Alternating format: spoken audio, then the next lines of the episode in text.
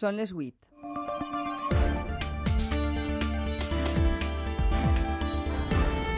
A punt. Les notícies de la nit. Amb Txelo Vicente.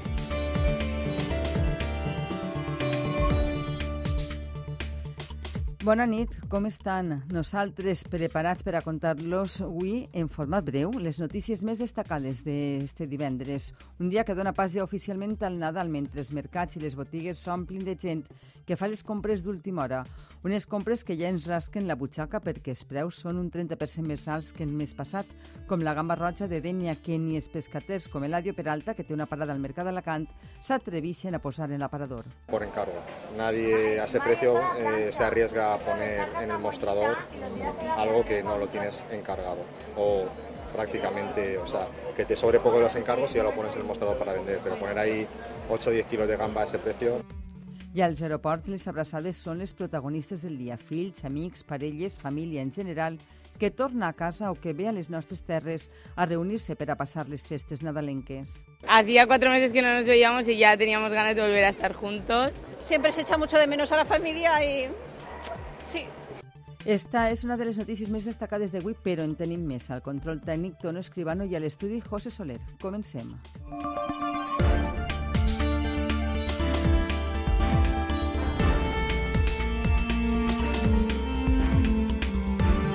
Atracament a una entitat bancària a la Llosa de Ranes. Dos del migdia, quan tres individus han retingut clients i treballadors en un banc a l'eixida, els esperava la policia local i la Guàrdia Civil que, amb la col·laboració ciutadana, han aconseguit detindre un d'ells. Com ens relata Eugenio Suárez, testimoni dels fets. La Guàrdia Civil ha intentat agarrar-ne uno, els altres dos han tirat pa amunt i entonces entre la gent han pogut eh, reduir a uno i l'altre se n'ha escapat pa avall i un Guàrdia Civil ha anat darrere disparant-li, buscant-lo i, i se veu que ahir baix en un xalet ha agarrat una dona en un ganivet i el Guàrdia Civil l'ha deixat anar-se'n perquè no li farà res a la dona i el xicón ha fugit. Confirmada la sentència del pare i la mare que van assassinar els dos fills menors el març del 2019 a Godella. El Suprem ratifica la pena de 50 anys de presó que va imposar l'Audiència de València al pare i l'internament psiquiàtric per a la mare, que per patir una malaltia mental. Segons els fets provats, els condemnats van matar a colps els fills de 3 anys i 6 mesos moguts per creences místico-religioses. Tres persones mortes i almenys tres ferides, dos d'elles de gravetat en un tiroteig al centre de París. La policia ha detingut un home com a presumpte autor i que té antecedents per intent d'homicidi amb motivacions racistes. El tiroteig s'ha produït als, als voltants d'un centre cultural curt a la ciutat. Segons el diari francès Le Monde, els, morts són activistes kurds. Els assassinats han provocat aldarulls i, i enfrontaments de la comunitat kurda amb la policia. I en la informació esportiva avui ens acompanya Paco Cerdán. Bona nit. Què ens conteu? Bona nit, Xelo. Avui tenim doble sessió de bàsquet a la Fonteta. Les xiques del València Bàsquet ja han jugat amb victòria contra el Jairis de la Lliga Andesa i sumen 8 victòries consecutives. Els xics ho fan a les 8 i mitja partit d'Eurolliga contra el líder, el Barça, la millor defensa d'Europa. Tot un repte per als de Montbrú. Parlarem també dels emparellaments de Copa del Rei i de pilota. Avui penja els guants Soro tercer, un gran. Després ho ampliem. Així és, cap a les 8 i 20. Mm. I en l'oratge continua donant moltes temperatures molt inusuals per a aquestes dates. Bona nit, Joan Carles Fortea. Bona nit, efectivament, temperatures molt elevades d'avui. Hem arribat a 27 graus de màxima a res, també a Cirat, cap a València, a Alacant han arribat a 24, Castelló ha quedat un poquet més baixa i Castelló de la Plena ha registrat 22. Encara a hores d'ara, valors que estan entre els 17 i els 19 graus cap al litoral. Caloreta, no?, per a aquestes dades. Molta calor, temperatures molt per damunt, entre 4 i 8 graus per damunt de les habituals per a aquestes dates. I demà que tindrem i el cap de setmana? Tot apunta que tindrem un cap de Nadal primaveral al migdia. D'inici que farà fresca, fred cap a l'interior, però al migdia continuarem amb temperatures que estaran entre els 22 i els 25 graus, baixaran 1 o 2 graus en vista al dia de Nadal, però encara es mantenen elevades. Lluirà el sol tot el cap de setmana, amb alguns núvols alts, i cal esperar al, al dia de cap d'any per a una normalització de les temperatures. No parlem d'onada d'aire fred, però sí temperatures més normals. Però de moment, el cap de setmana de Nadal, màximes entre 20 i 25 graus al litoral. Ni gorros, ni bufandes, ni abrics Pot per ser- a la nit de, de Nadal. Pot ser que de nit i matinada un abriguet no anirà malament, una, un barret, sobretot en punts de l'interior, però al migdia, dia de ventilar i de mànega curta pràcticament. Molt bé, moltes gràcies. Fins ara. Escoltes a punt. Les notícies de la nit.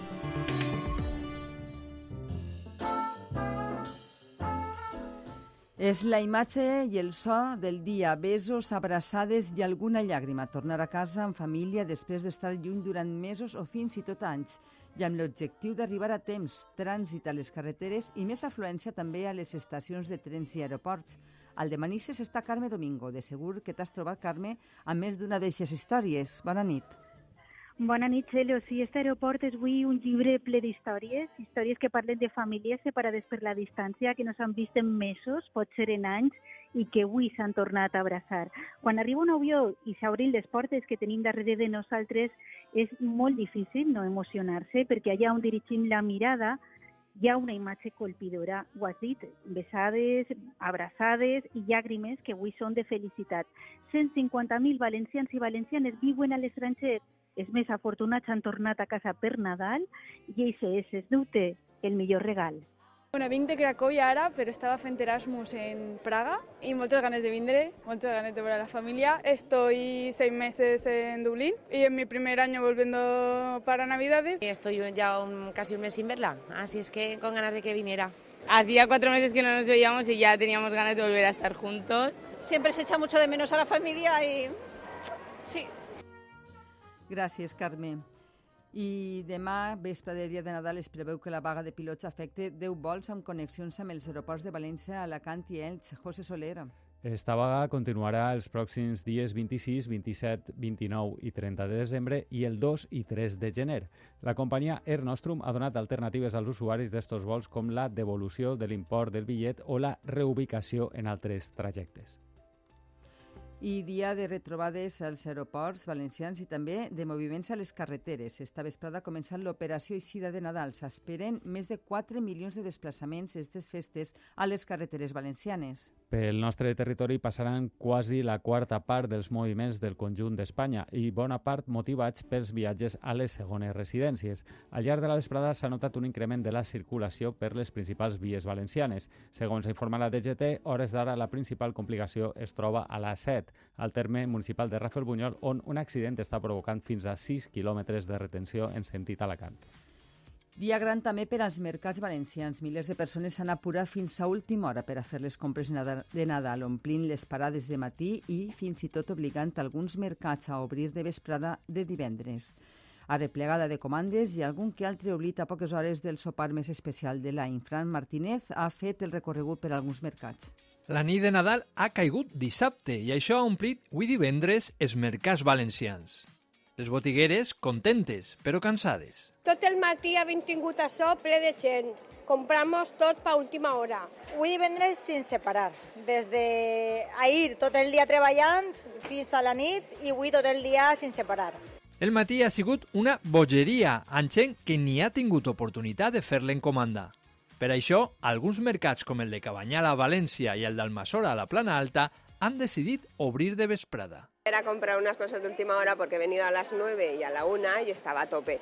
Y no me daba tiempo y he preguntado, trabajaban por la tarde y he venido a comprar esto y ya, ya he acabado. La vesprada s'ha aprofitat sobretot per a replegar comandes. Per posar en comandes i atendre millor a la gent i que la gent tinga més temps per comprar. Nosaltres ho encomanem i venim a replegar-ho ja, però ja portem quasi tota la setmana ja que estava preparat. Altres han aprofitat per evitar les cues de demà en enterar-se que obrien de vesprada.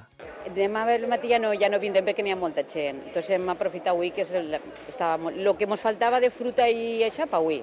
Compres per la nit de Nadal i per a l'endemà, amb l'arròs amb pilota com a plat preferit a Castelló. En el seu pa, l'albarsana, els ous, els pinyons... Menús tradicionals hi ha un diferent per cada casa, però tots se serveixen la mateixa nit, la nit de Nadal. I demà serà un dia de molta feina a les cases. Per això el Ministeri d'Igualtat ha llançat avui precisament una campanya per a demanar corresponsabilitat i major implicació familiar. Estas Navidades no se lo dejemos todo a las mismas. Que aparte de felices, también sean corresponsables. Felices Claro, fiestas. és el personatge que dona vida en l'anunci a eixes dones que s'encarreguen de tots els preparatius de Nadal i que, amb tota probabilitat, també ho fa al llarg de tot l'any, però que enguany ha decidit revelar-se i penjar el davantal perquè la resta de la família s'implique. I després de presentar-vos a Charo, nosaltres ens preguntem quantes Charos trobem als menjars nadalencs? Ajudem igual homes i dones en aquestes festes? Nosaltres hem eixit al carrer per a saber quantes xaros trobem als menjars nadalencs i això és el que li han contat a Juanjo García. Què opineu de la campanya? Que estic d'acord amb la campanya i me pareix molt bé que la gent res. Fa falta aquest tipus d'anuncis, aquest tipus de publicitat, perquè és que si no la gent continua fent el mateix. I de fet, conec a gent que continua sent així, que els homes se queden en la taula de Nadal i les dones estan en la cuina i realment no disfruten al final d'eixa nit. Jo mai he fet res de la, del sopar de Nadal. Sempre m'han dit que em quede ahí al salón i, i mai he fet res. Sempre les dones, ma iaia, ma mare, ma, ma tia... Normalmente las que tenemos que estar pendientes de la cena, de prepararlo, de que vengan los hijos, de reunir a la familia, de que esté todo pendiente de la cena. Entonces, totalmente de acuerdo. Deberíamos de descansar un poco más. También es verdad que nosotras deberíamos de dejar que ellos hicieran algo y darles responsabilidades a los hombres. I vora 60 milions d'euros s'ha deixat de pessic la loteria de Nadal a la comunitat valenciana. Avui és dia de ressaca i també de resoldre dubtes, com per exemple on i quan cobrar els diners o quina part s'endurà Hisenda del premi. Ramiro Gómez, loter de l'Administració de la Puríssima a València, en resol els seus dubtes. Prenguen nota. On es poden cobrar els premis? Les administracions tenen l'obligació de pagar premis fins a 2.000 euros per dècim. No importa la quantitat de dècims. Ja a partir de 2.000 euros justets ja són les entitats financeres, no totes, però tenen l'obligació de pagar als clients. Si no tenen compte és igual. Poden fer un traspàs al seu compte d'un altre banc o li farà un taló nominatiu. Fins a quan es poden cobrar els premis? El mateix dia del sorteig 22 de desembre, ja per la vesprà, se paguen.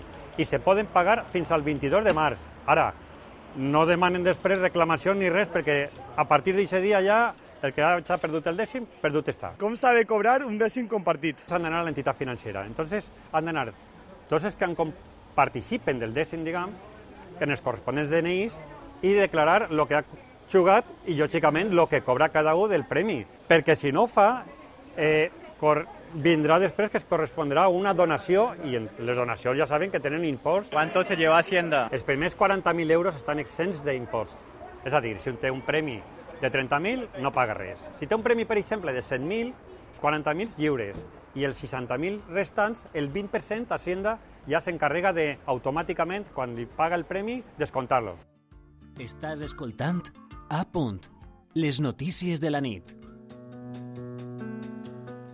I el següent contat a l'inici d'este informatiu. Les forces i els cossos de seguretat de l'Estat busquen dos atracadors fugits des d'este migdia després d'assaltar una entitat bancària a la llosa de Ranes, a la costera. Allí està Pau Ibars. Bona nit, Pau. Conta'ns com està sent esta recerca. Bona vesprada. Pues des de aproximadament les 2 de la vesprada han començat a deixar recerca la policia local i la Guàrdia Civil per un primer moment pels camps més pròxims al poble, després també per altres pobles més pròxims, a, a la Llosa de Ranes. El que ens diu la Guàrdia Civil és que no ens pot donar molts detalls perquè la investigació està ara mateixa en marxa. Qui sí que ens parla són els veïns. Avui podeu imaginar que així no es parla d'una altra cosa i ens hem pogut parlar amb alguns veïns testimonis visuals del moment dels fets que han patit molta atenció perquè fins i tot han arribat a escordar quatre o cinc tirs, ens diuen. Entre la gent han pogut eh, reduir a uno i l'altre se n'ha escapat a cavall i un guàrdia civil anat darrere disparant-li, buscant-lo i, i se veu que ahir baix en un xalet ha agarrat una dona en un ganivet i el guàrdia civil l'ha deixat anar-se'n perquè no li farà res a la dona i el xicón ha fugit. Han eixit uno encanyonant el, el director i li dia a la Guàrdia Civil que portava una bomba que, que la soltaria. Entonces el Guàrdia Civil s'ha donat compte que era, una, era un truco i s'ha tirat damunt i l'ha agarrat aquesta col·laboració ciutadana de què parlaven els testimonis ha sigut vital.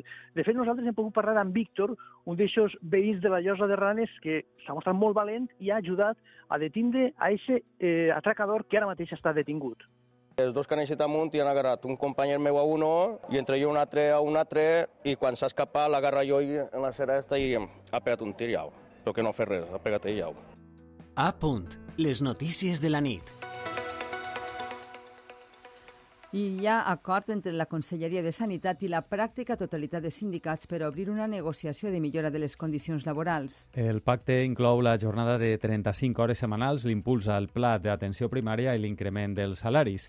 Tots els acords que se signen es mantindran almenys fins l'any 2024. Es pretén així calmar les, les aigües en un sector esgotat per la pandèmia i que alerta de la fuga de professionals. El sindicat, el sindicat CESIF s'ha desmarcat de la protesta. Escoltem Fernando García insuficiente, decepcionante y falto de concreción en las medidas.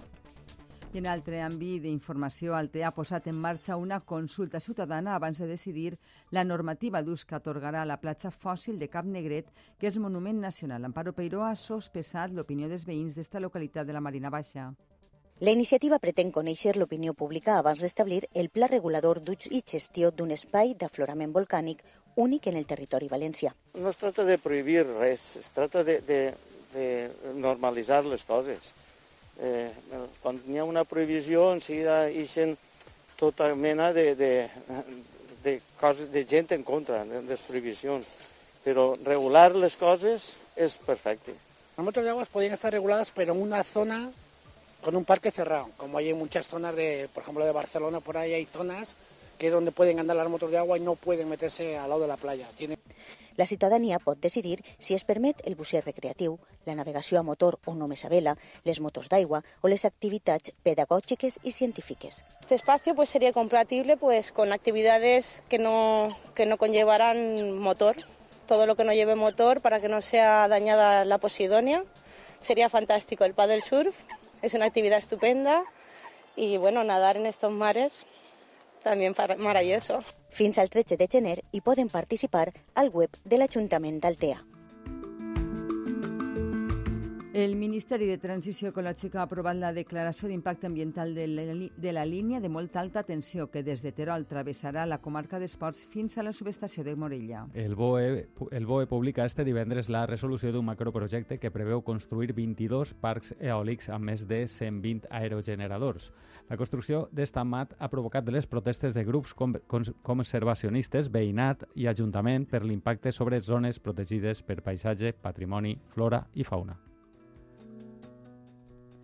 I en política els contem que el Partit Popular vol saber si PP Catalunya és responsable de les finances del PSPB i investigat en el cas Sud, ha visitat el Palau de la Generalitat els últims mesos. Catalunya és un dels principals investigats en este cas, que es guita els socialistes amb un presumpte finançament irregular de les campanyes electorals dels anys 2007 i 2008. Els populars han sol·licitat per escrit els registres d'entrada del Palau de la Generalitat per a verificar-ho. També han demanat la mateixa documentació a la Conselleria d'Hisenda. Avui la portaveu del Consell, Aitana Mas, a preguntes dels mitjans de comunicació, s'ha mostrat molt contundent sobre este cas de corrupció. Que qui la faça, que la pague. I ara mateixa n'hi ha un procés judicial que està obert i que nosaltres, el Consell, respecta al màxim i respecta també els temps. I continuem pensant el mateix que passa amb qualsevol eh, cas de corrupció de qualsevol partit polític, i és que qui ho ha fet, que ho pague. I l'Ajuntament de València ha fet públics els resultats del baròmetre municipal sobre la intenció de vot de cara a les pròximes eleccions locals. Segons aquestes dades, el PP de Maria José Català seria el partit més votat amb un 19,5% dels vots, seguit del PSPB de Sandra Gómez amb un 15,8%, mentre que Compromís amb Joan Ribó passaria de ser la força més votada a la tercera posició. És destacable també el 15,4% dels, enquestats, dels enquestats encara no ha decidit el vot. Per a la mostra s'ha entrevistat 2.350 ciutadans i ciutadanes. I en tribunals, el Tribunal Suprem ha confirmat la condemna pel crim de dos menors a Godella. El tribunal ha ratificat els 50 anys de presó per al pare i l'internament psiquiàtric per a la mare, coautora dels crims, però absolta per malaltia mental. Un jurat popular va declarar culpables ara fa un any els dos pares de les criatures, una d'elles de 6 mesos i l'altra de 3 anys. Segons la sentència, els dos condemnats van matar els fills impulsats per les seues creences místico-religioses per a enviar-los al més enllà i que pogueren ressuscitar. I així al món, tres activistes curts han mort i tres persones més han resultat ferides avui en un tiroteig al centre de París. Poc abans del migdia, un home va dir, ha disparat a la zona on es troba el Centre Democràtic Curt de França i després ha sigut detingut. Rafa Salom. Poc abans del migdia, un home ha disparat a la zona on es troba el Centre Democràtic Curt de França, en ple centre de la capital francesa, i ha matat tres persones. Poc després ha sigut detingut. Té antecedents penals. El seu nom apareix en almenys dos casos, admet la fiscal de París. El desembre de l'any passat ja havia atacat un campament d'immigrants a la capital francesa sense provocar víctimes mortals. El 2017 també havia estat involucrat en un altre intent d'homicidi. Feia poques setmanes que havia eixit de presó. Pas euh, fiché comme étant quelqu'un euh, euh, d'ultra-droite ou un... No pertanyia a cap grup d'ultradreta, afirma el ministre de l'Interior francès. El govern de França admet que es tracta d'un atac racista, però que no anava contra el col·lectiu kurd, sinó contra qualsevol estranger. Un dels tres ferits es troba en estat molt greu. I en cultura ens n'anem ara cap a Castelló de la Plana, on està a punt de començar la representació del Belém de la Piga, l'obra costumista sobre el naixement de Jesús, que dona el tret d'eixida de les festes de Nadal a la capital de la Plana. Laura Ballarri està a les portes del Teatre Principal. Bona nit, Laura. Hi ha molt de públic per veure esta tradicional representació? Bona nit, hi ha molt de públic, estan la majoria congregats en la cercavila que està tenint lloc en aquests moments eh, pels carrers del centre de Castelló de la Plana i que camina cap al teatre principal on a les 9 de la nit es donarà pas a esta representació del Nadal més valencià, lletra de Miquel Peris, música de Matilde Salvador i un homenatge als personatges, a la societat i a les tradicions castellonenques. Gràcies, Laura. I uh, escoltem esta música. És la Nadala d'Alchemesí, que es canta Pep Jimeno Botifarra.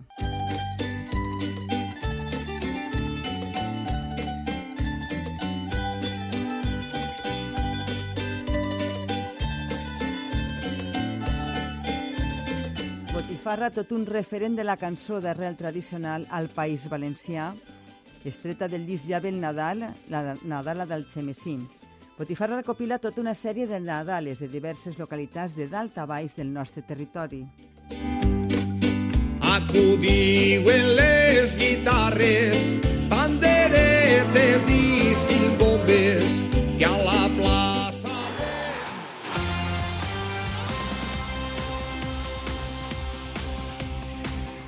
ràpidament obrim la finestra esportiva amb el nostre company Paco Cerdán. Paco, bona nit. Comencem pel bàsquet. Sí, com hem avançat, avui doble sessió a la Fonteta. El València Bàsquet femení s'ha enfrontat esta vesprada al Jairis, el penúltim de la Lliga Femenina Andesa, i amb victòria treballada de les de Rubén Burgos. 92-60 el resultat final, tot i haver estat molt igualat en una primera part. Sentim l'entrenador. Hemos encontrado más el acierto en la segunda parte, el porcentaje de lanzamiento de tres hoy, especialmente de Marí, es, es muy alto. Les taronges mantenen con l'equip a la millor ratxa de tota la Lliga. Sumen 8 triomfs consecutius. I ara, a les 8 i mitja, l'equip de Montbrú rep a la Fonteta el Barça en un duel d'Eurolliga. Moment de posar a prova el seu bon moment ofensiu que travessen, amb 3 victòries en els últims 4 partits i 100 punts anotats de mitjana. Contra la millor defensa de l'Eurolliga, ja que el quadre blaugrana, a banda de ser el líder, és l'equip que menys punts rep. L'última visita del club català esta temporada fou el d'ACB a l'octubre i es va saldar amb una derrota taronja. Moment de revenja. Es preveu un partit molt intens i que podran seguir a continuació en esta ràdio en el programa Des de la Banda. I passem al futbol. Este matí ha sigut el sorteig de 700 de final de la Copa del Rei. I la sort ha favorit els nostres supervivents de primera federació, ja que l'Intercity rebrà el Barça, l'Eldenca l'Atlètic Club de Bilbao i la Nucia, dirigit per l'exvalencianista César Ferrando, s'enfrontarà al seu València de tota la vida. El tècnic de la Safor volia que li tocara al València, tot i reconèixer al nostre company Fermí Rodríguez tindre un sentiment estrany. Sí, sí, jo sí, perquè no ha enfrentat mai a ell, és, és el equip. Com a, com a professional m'imagino que me sentiria molt bé i al mateix temps tinc una part del meu cor que no estaria content. Sí. Però, bueno, eh, a mi m'està pagant l'anuncia sí, sí. i jo me, me considero un professional i tinc que fer el millor possible pel meu equip, ho tinc clar. Els altres duels amb protagonisme valencià són el Llevant Getafe, el Cartagena Villarreal i el Ceuta Elx. Esta vesprada hem conegut les dates i els horaris. Així doncs, la Nucia València i el Cartagena Villarreal es jugaran dimarts 3 de gener a les 7 de la vesprada. Mateix dia, però a les 9 de la nit, es disputaran el Ceuta Elx i el Llevant Getafe. L'Intercity Barça serà dimecres 4 de gener a les 9 de la nit i l'Eldenc Atlètic dijous 5 de gener també a les 9. I parlem ara de pilota, no? I és que el trinquet Salvador Sagols de Villarreal s'ha jugat una partida molt especial. La deu d'un dels grans de pilota, Soro tercer. El res de Massamagrell ha penjat els guants acompanyat del seu mitger de referència, Nacho, contra un trio format per José Salvador, Salva i Bueno. Es retira amb 38 anys i un palmarès envejable, on destaquen especialment els sis títols aconseguit en el campionat individual en un total de 9 finals disputades. I acabem amb la tradicional cerimònia nadalenca del projecte Fera. I on la jove judoca Marina Castelló s'ha proclamat la la millor esportista del projecte FER 2022. Així s'ha decidit en el tradicional, la tradicional gala de Nadal de la Fundació Trinitat Alfonso, celebrada este migdia al Jardí Botànic de València. Un acte que, com cada any, i ja van sis edicions, serveix per a reconèixer els èxits esportius i tancar l'any i, i en esta cerimònia han acudit una veintena de les millors esportistes del projecte FER que tenen París 2024 com a objectiu fonamental. Escoltem el director de la Fundació, Juan Miguel Gómez se dejan la piel para dejar el pabellón de la Comunidad Valenciana lo más alto posible. Es cierto que, que este grupo de una veintena que hemos reconocido hoy son los resultados, los resultados, más, los resultados más brillantes del año. Eh, Estamos tremendamente satisfechos, que incluso con, con plazas olímpicas ya para dentro de dos años ya conseguidas. I despedim amb una trista notícia. Ha mort Chechu Rojo, un entrenador, exjugador de futbol també i un entrenador històric de futbol a les banquetes de clubs de primera divisió, als 75 anys. Això és tot, Xelo. Bona nit, Paco. I Bona nit. fins així este informatiu de divendres. Els deixem ara amb Jordi Sánchez. Jordi Sánchez al capdavant del programa des de la banda i el partit de l'Eurolliga entre el València Bàsquet i el Futbol Club Barcelona. Bona nit i bon Nadal. Siguin bons.